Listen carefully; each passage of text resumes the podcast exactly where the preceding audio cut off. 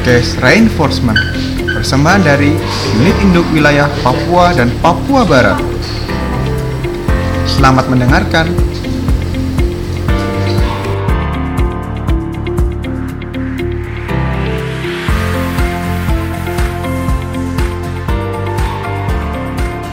Assalamualaikum warahmatullahi wabarakatuh. Salam sejahtera untuk kita semua dan selamat pagi. Selamat pagi, pagi, pagi, pagi. Halo Peleners, kembali lagi dengan saya Syana Sandra Taurna di acara kita pada minggu ini yaitu podcast Reinforcement Refresh the Information to Make an Enforcement. Ya, jadi pada minggu ini, seri kita pada minggu ini, kita akan lebih banyak membahas tentang budaya kerjasama. Jadi collaboration and performance culture.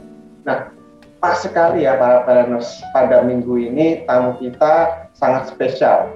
Beliau adalah manajer bagian transaksi energi listrik dari UP3 Merauke. Bapak Ciherli Weldi. Selamat pagi Pak Weldi. Selamat pagi Mas. Ya mungkin Pak Weldi bisa perkenalan dulu Pak, para biar para planners ini bisa semakin uh, kenal dengan Bapak. Baik, terima kasih. Semangat pagi, Plener. Saya Welby Wairara. Nah, untuk saat ini menjabat sebagai manajer transaksi energi listrik UP3 Merauke. Nah, pada kesempatan ini saya berterima kasih karena dari UIW PLN Unit Induk Wilayah Papua dan Papua Barat memberikan kesempatan untuk kita sharing ya, kita bertukar pengalaman, informasi terhadap teman-teman maupun eh, rekan-rekan pelener sehingga eh, mungkin ada manfaat manfaat yang kita peroleh di sana baik di sisi eh, perusahaan maupun secara individu. Mungkin itu saja sekilas perkenalan saya. Saya kembalikan lagi nanti sambil kita diskusi ya. Ya, ya betul sekali. Ya, jadi seperti apa para pengen jadi Pak uh, Welby ini memiliki banyak sekali uh, pengalaman sehingga kita di sini akan sharing bagaimana uh, pengalaman Pak Welby ini dalam rangka untuk uh, menumbuhkan budaya saling kerjasama dan kolaborasi dan bidang. Soalnya kita tahu sendiri ya para planners, karena uh, saat ini PLN itu uh, temanya adalah back to basic, build the core. Ya. Salah satunya cara untuk membuild the core ini yaitu dengan membudayakan saling kerjasama, kolaborasi dan sinergi antar unit atau bidang Nah mungkin Pak Webi bisa ini Pak diceritakan Pak bagaimana pengalamannya dulu Pak bisa antar bidang dan unit itu saling untuk berkolaborasi, sinergi dan kerjasama. Baik Mas Anas, jadi kalau saya lihat sekilas untuk implementasi budaya perusahaan di tahun 2021 ini kita ada tiga tiga ini ya tiga kritikal ya ada eh, PLN 1, PLN 2 dan PLN 3 ya Iya betul. Saya kebetulan diberi, diberikan kesempatan pada PLN 2. PLN 2 ini intinya itu, intinya itu kalau dilihat PLN mencapai eh dua itu artinya dua capaian setiap minggu. Nah, dua capaian setiap minggu ini sesuai dengan core kita yaitu eh, kolaborasi ya. Pada akhlak itu saya lebih lebih cenderung ke kolaborasinya. Kolaborasinya itu Eh, kenapa kolaborasi? Karena di situ kita bisa meningkatkan pendapatan, biaya maupun kehandalan layanan kita. Banyak sekali manfaatnya. Saya mau cerita di sini bahwa sejak saya berangkat dari transaksi energi listrik, banyak sekali manfaat yang saya dapat, ilmu yang tidak pernah saya miliki, namun karena kerjasama yang bagus dengan rekan-rekan baik dari vendor maupun dari pihak ketiga uh, saya lebih dikenal dan memiliki relasi sampai keluar pak. Bahkan sampai di Jawa pun saya ingat itu masih masih ada teman-teman. Jadi dari Icon maupun dari Insis itu kita sering komunikasi karena dari awal itu kita sudah sudah bangun eh, fondasi yang bagus. Dalam hal ini kita mulai berangkat dari kesiapan pem, pembuatan user sampai dengan pemasangan visa dan layanan visa kemudian pada pada kondisi-kondisi tertentu ada yang perlu harus kita support maupun kita eh, eksekusi di lapangan baik peralatan maupun sistem ya kita dibantu dibantu. Manfaatnya itu karena teman-teman dari dari pihak ketiga ini dari ini eh, baik pihak Icon maupun teman-teman yang berkepentingan dalam hal layanan informasi teknologi ini tidak bisa jangkau unit kita, maka kita bisa membantu teman-teman dalam hal ini bisa mempercepat proses sehingga mereka tidak terganggu rutinitasnya. Nah, itu di sisi rekanan atau vendor kita. Nah, saya juga punya pengalaman dan eh, informasi yang mungkin saya juga berbagi dengan teman-teman yaitu terkait eh, billman ya kontrak billman karena saya terlalu banyak bergelut di dunia billing rekening ya Mas Anas ya. Nah, di sana itu kita bagusnya itu manfaatnya itu kita harus lebih sering membuka diri dan kalau bisa eh, terlibat langsung. Jadi ada hal-hal yang mungkin bagi kita itu Eh, di sistem kita itu terbatas, katakanlah di AP2T, di sistem AP2T itu kan ada rule-rule yang membatasi, ada rule-rule yang membatasi teman-teman pelayanan hanya bisa mengeksekusi pekerjaan pelayanan.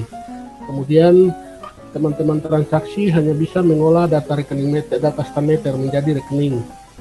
Nah, bagaimana caranya kita memadukan dua sisi ini menjadi satu? Ya kita harus harus lebih apa ya, lebih eh, lebih tanggap, lebih tanggap terhadap situasi. Jadi contoh kemarin teman-teman Firmen diminta untuk harus monitor tunggakan rekening listrik itu per user per petugas per hari. Nah, sementara di sistem kita hanya menyiapkan data tunggakan per kode golongan. Nah, di situlah manfaatnya kita membuka diri, merangkul teman-teman billman jadi janganlah kalau memang dari sisi PLN baik dari kantor P3 maupun dari wilayah dari bagian niaga sudah diberikan target, namun eh, kita juga melihat situasi di lapangan. Kalau kita di unit itu harus tanggap, kita harus lihat situasi. Katakanlah kalau teman-teman Bilman itu mereka sudah lelah di lapangan seharian karena pemutusan atau pemeriksaan LPB, ya kalau memang ada kita memiliki sedikit kelebihan di sisi administrasi bisa kita siasati ataupun bisa kita bantu mereka untuk memudahkan pekerjaan mereka saya pikir itu adalah ibadah. Karena tujuan kita adalah meningkatkan penjualan dan mengurangi tunggakan atau bahkan menihilkan tunggakan. Jadi kalau memang bisa kita bantu itu teknisnya nanti di pelaporan mereka lah. Artinya mereka yang eksekusi tapi kalau bisa kita berkolaborasi dan mereka memberikan solusi ke, kepada mereka sehingga apa yang kita targetkan dari atasan kita atau dari unit induk kita targetkan bisa mereka capai. Kalau mereka bisa mencapai target yang sudah diberikan, otomatis kan eh, unit kita juga terbawa, Pak. Saya pikir mungkin nih itu man, manfaat dari eh, pentingnya kita bekerja sama. Jadi selain kita itu uh, ber kerjasama melakukan komunikasi yang efektif, tapi kita juga bisa menawarkan solusi-solusi uh, atau kontribusi yang uh, bisa kita berikan kepada mereka gitu Pak ya. Ya sebenarnya itu doa, doanya mereka itu. Jadi mereka diperintahkan dari kita, tetapi kalau kita bisa memberikan solusi ini kan eh, dua hal yang sebenarnya bukan bertolak belakang, tapi sejalan namun bersebelahan. Jadi kalau kita bisa jadikan itu satu, malah lebih kencang lagi jalannya. Mungkin itu menurut saya. Oke. Terus uh, sebenarnya bagaimana sih Pak cara awalnya kita itu menjalin hubungan kerjasama? Apakah dengan cara komunikasi, terus kemudian mungkin sosialisasi terlebih dahulu? Karena kan uh, di sini terutama di PLN UWP 2 ini banyak sekali anak muda nih Pak. Jadi uh, mungkin ada tips-tips seperti itu yang bagaimana caranya supaya kita itu bisa berani untuk memulai sebuah kerjasama maupun uh, bisa berkomunikasi berkomunikasi dengan efektif gitu Iya, baik. Jadi kalau bagi saya itu bukan kesenjangan, bukan kesenjangan, tapi ini naturalis sajalah kita tahu bahwa eh, di PLN sekarang itu ada ada generasi tua dan generasi, generasi milenial lah. Nah, untuk memadukan dua generasi ini bagi saya itu sebenarnya sesuatu yang sesuatu yang sangat mudah. Cuman um, pola atau cara yang kita lakukan kan masing-masing individu, masing-masing orang, masing-masing unit, masing-masing pemimpin punya tipe-tipe yang berbeda-beda. Namun bagi saya dengan kondisi implementasi yang kondisi kerja yang ada di unit UP3 Merauke untuk sementara saat ini dan bagi ukuran saya kondisi UP3 Merauke itu paling kondusif karena eh, tidak ada yang dominan dalam hal ini. Tidak ada yang dominan dalam hal ini. Teman-teman milenial itu bisa berkolaborasi dengan kami namun untuk membuild atau membangun itu bagi saya eh, kondisi yang saya amati itu dari komunikasi dari komunikasi. Jadi eh, ada tipe-tipe ada tipe pemimpin yang memang butuh sedikit kekerasan ya. Kalau saya lihat Russia temperamen tapi sebenarnya itu tidak memecahkan masalah bagi saya. Kalau saya sih untuk menyatukan dua dua generasi yang berbeda ini cukup dengan komunikasi. Komunikasi tapi eh, diutamakan pendekatan dulu pendekatan dulu. Kemudian eh, kita bisa mencuri momen melihat situasi yang pas untuk kita eh, lakukan diskusi-diskusi kecil. Kemudian kita paham dulu karakter masing-masing orang. Kemudian yang perlu masing-masing terlebih khusus saya kepada teman-teman yang sudah senior kita untuk menerima katakanlah menerima atau uh, menyatukan persepsi dengan generasi milenial ini kan kita harus minimal melepas satu start, melepas satu level ego kita.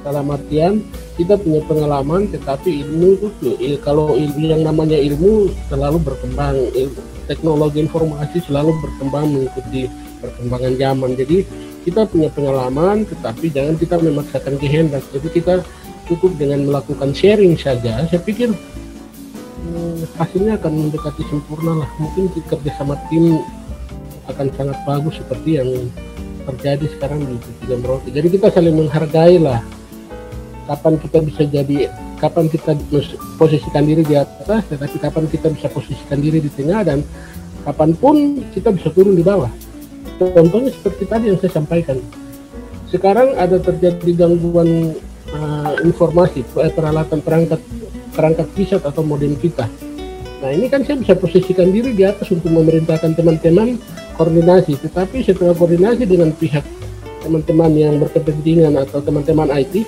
mereka minta untuk, oh tolong Pak Welby, ini kami sudah koordinasi, tetapi eh, teman-teman di PIC yang bersangkutan atau teman-teman di lokasi tidak bisa melakukan eksekusi, mereka tidak bisa eksekusi pekerjaannya. Pak Welby mohon izin minta waktunya 15 menit. Bisa menuju lokasi. Ya ini saya posisikan diri lagi sebagai user. Jadi tujuannya kita tidak ada. Yang itu yang saya tekankan satu hal itu kalau bisa kita lepaskan ego kita dulu. Karena perusahaan ini adalah rumah kita dapur kita dan tujuan akhir adalah untuk kebahagiaan atau eh, kepentingan keluarga dan orang banyak saya pikir itu dulu Nah, Sanus pengantarnya masih ada lagi? Ya, jadi luar biasa ya. Jadi uh, kuncinya di sini sebenarnya adalah bagaimana kedua belah pihak ini ya Pak ya, dua generasi ini tuh bisa untuk saling menyesuaikan diri seperti itu ya Pak. Kan kita tahu bahwa milenial itu adalah generasi yang kaya akan uh, energi, kemudian ide-ide, inovasi, dan untuk generasi uh, yang satunya ini adalah generasi yang lebih banyak dan lebih kaya dari segi pengalaman. Nah ini kalau dua generasi ini bisa menyatu, kerjasama itu pasti bisa terjalin. Ya. Kuncinya dengan itu tadi apa yang Bapak uh, sampaikan, itu harus melepaskan uh, egonya masing-masing, kemudian harus lebih sering melakukan ini ya Pak ya pendekatan komunikasi ngobrol-ngobrol kecil seperti itu ya Pak ya. Jadi akhirnya bisa klop, nggak ada gap antara dua generasi ini seperti itu Pak ya Iya, jadi gitu Mas Hana. Saya juga dulu pertama masuk di PLN itu untuk jangankan untuk meminta informasi atau menanyakan sesuatu, untuk mendekati saja saya masih masih sungkan, masih ragu. Ini karena eh, situasinya memang demikian. Yang namanya anak baru lahir tidak mungkin dia langsung perintah bapaknya harus merangkak dulu. Jadi kita perlu penyesuaian. Nah, pada saat penyesuaian itu janganlah teman-teman senior membatasi membatasi diri atau eh, apa namanya? Ya membatasi bukan membatasi diri. Saya, kalau saya ngomong membuat gap juga terlalu ekstrim. Artinya kalau eh, mereka bisa membuka, kita bisa membuka diri, kami bisa membuka diri dengan sendirinya teman-teman milenial itu akan lebih kencang. Karena tadi yang disampaikan Mas Anas bahwa mereka punya teman-teman milenial ini yang diutamakan sekarang punya energi. Punya, punya energi, punya kapasitas, punya ilmu pengetahuan, punya motivasi. Nah ini kalau kita join dia satu langkah saja dengan pengalaman langsung meledak, tidak perlu tunggu waktu kalau kita tunggu waktu semakin lama kita menunggu semakin lama kita santai maka semakin lama pula target yang kita kejar itu akan tercapai karena tidak bisa berkolaborasi secepatnya. Ini itu saja. Kalau kalau kita lebih cepat membuka diri jadi berbaur meluangkan waktu berbaur apa istilahnya kita lebih cepat buat pendekatan dan menyamakan kebiasaan yang bermajemuk ini kemudian saling mengetahui dan saling menahan e-, ego, kemudian kita utamakan kepentingan perusahaan, kepentingan dalam hal mencapai kinerja, saya rasa pun satu bulan pun beban seberat apa pasti terlatih. Luar biasa sekali ya Pak. Jadi itulah kuncinya ya para PLNers ya, terutama dalam menjalankan program budaya PLN 2 yaitu untuk menumbuhkan uh, budaya kerjasama dan performance. Jadi kita di sini itu tidak hanya memikirkan performance kita sendiri tapi juga performance atau kinerja dari yang lainnya. Karena kita seperti Bapak Pak Wedi sampaikan, kita ini ada di satu perusahaan dan ini adalah rumah kita. Jadi penting sekali bagi diri kita itu untuk um, melepaskan ego kita dan bisa saling menjalin kerjasama satu sama lain sehingga kita bisa satu sinergi seperti itu. Oke, uh, satu lagi nih Pak Welby Ya. Terkait transformasi kan kita sudah tahu ya kalau transformasi PLN ini emang sedang gencar-gencarnya ini disampaikan uh, terus menerus ini oleh Pak Dirut baik Pak Dirut sendiri maupun seluruh divisi yang ada di PLN pusat. Ya. Nah, uh, bagaimana cara dari uh, Bapak ini selaku leader ya selaku leader sendiri menerima informasi-informasi yang ada bagaimana cara Bapak menyampaikan sampai ke uh, pegawai yang paling bawah. Gitu. Iya, jadi untuk kondisi dewasa ini terkait transformasi transformasi itu sudah sangat mudah sebenarnya. Sudah sangat mudah penyampaiannya karena media kita terlalu banyak. Kapan pun hitungan detik kapan pun dari dalam waktu kapan pun dari PLN pusat maupun dari PLN wilayah begitu informasinya terklik sudah otomatis langsung masuk di HP saya pikir itu ini yang paling mudah sekali ya, eh, penyampaian atau media media yang digunakan saat ini. Kalau teman-teman masih merasa eh, terhalang atau terlambat informasinya diterima berarti eh, mungkin karena faktor kondisi saja kondisi artinya mungkin mereka di, di bertugas di pinggiran. Mereka bertugas di pinggiran tapi kalau yang sudah masuk di, di listrik listrik pedesaan lah kalau yang sudah kerjanya sudah di level unit layanan di ULP maupun UP3 kalau informasinya tidak sampai tidak tersampaikan itu sudah sangat inilah itu adalah kelalaian. Nah itu adalah bagian dari kita untuk eh, melakukan sharing maupun mengulangi informasi jadi lebih banyak kita informasinya itu kita sampaikan pada saat COC COC sih. Kadang ada COC gabungan maupun COC bagian. Nah yang paling yang paling dominan untuk informasi transformasi ini sebenarnya sudah sudah tersampaikan secara otomatis di email korporasi masing-masing pegawai. Cuman sejauh mana pegawai itu melakukan eh, monitoring maupun membuka email, membaca. Nah, ini inilah kalau memang informasinya itu tidak tidak maksimal tersampaikan, ya tugasnya kita memang tugasnya kita untuk harus melakukan eh, COC maupun kalau diperlukan ya kita lakukan kunjungan-kunjungan inilah khusus ke ya semacam acara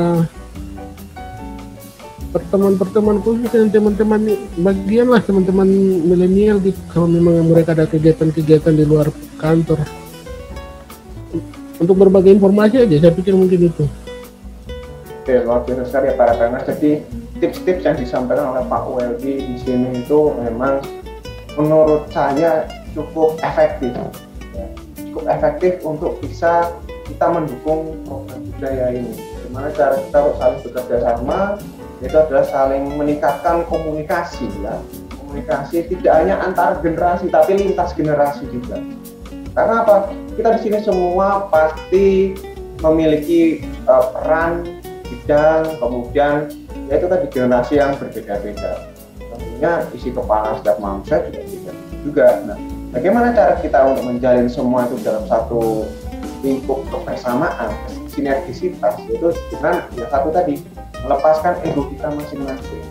Jadi bagaimana kita bisa untuk menyesuaikan diri pada setiap orang yang ada, pada kegiatan yang ada. Karena kita tahu meskipun kita memiliki uh, apa pekerjaan sendiri-sendiri, tapi tidak ada kita pungkiri bahwa sebenarnya kita ini satu arah, satu tujuan. Jadi kita menuju tujuan bersama. Otomatis kita harus sinergi, harus saling membantu, saling support. Saat kita uh, dalam posisi sebagai uh, atasan seperti Pak Wadi, kita harus bisa menyesuaikan diri bagaimana kita uh, menempatkan diri kita ketika kita ada di sebagai atasan dan ada saatnya juga kita bisa menempatkan diri seolah-olah kita sebagai bawahan. Jadi kita tidak hanya e, memberikan instruksi perintah tapi juga kita memberikan kontribusi nyata. Setiap leader setiap bawahan itu pasti punya peran masing-masing dan bagaimana cara menghayati peran itu terus kemudian menyesuaikan dengan kondisi yang ada nah itu kembali ke awareness masing-masing orang Nah oke okay, Pak Wilby terima kasih. Ini kita sudah cukup banyak sekali uh, informasi dan pengalaman yang Pak Wilby sharing. Mungkin sebagai penutup Pak Wilby ada pesan uh, singkat itu seperti itu Pak.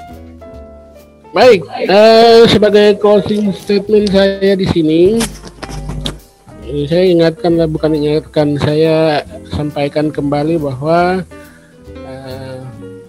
sebagai PLNers untuk membangun satu tim yang solid kita harus saling melepaskan ego kita dulu yang pertama.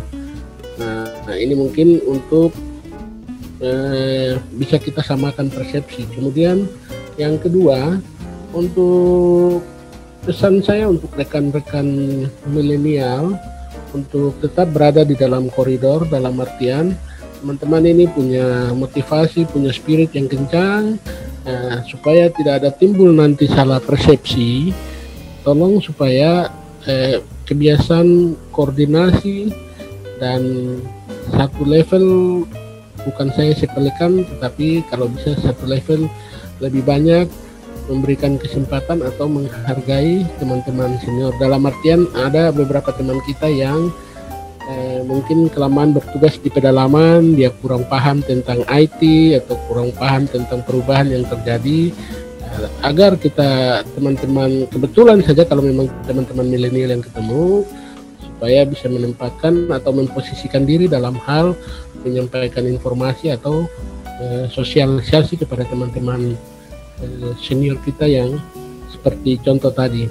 Mungkin demikian, semoga bermanfaat informasi dan tips dari saya bagi kita sekalian teman-teman. Eh, semangat pagi. Semangat pagi. Baiklah para planners itu dia uh, edisi kita pada minggu ini. Semoga bermanfaat. Uh, mohon maaf apabila ada perkataan atau kalimat yang kurang berkenan baik sekian dari saya wassalamualaikum warahmatullahi wabarakatuh salam sejahtera untuk kita semua semangat pagi Pagi, pagi, pagi, pagi. pagi. PLN berahlat Anda terbaik. Terima kasih. Selamat pagi Pak Welby. Salam pagi, sehat. Salam sehat.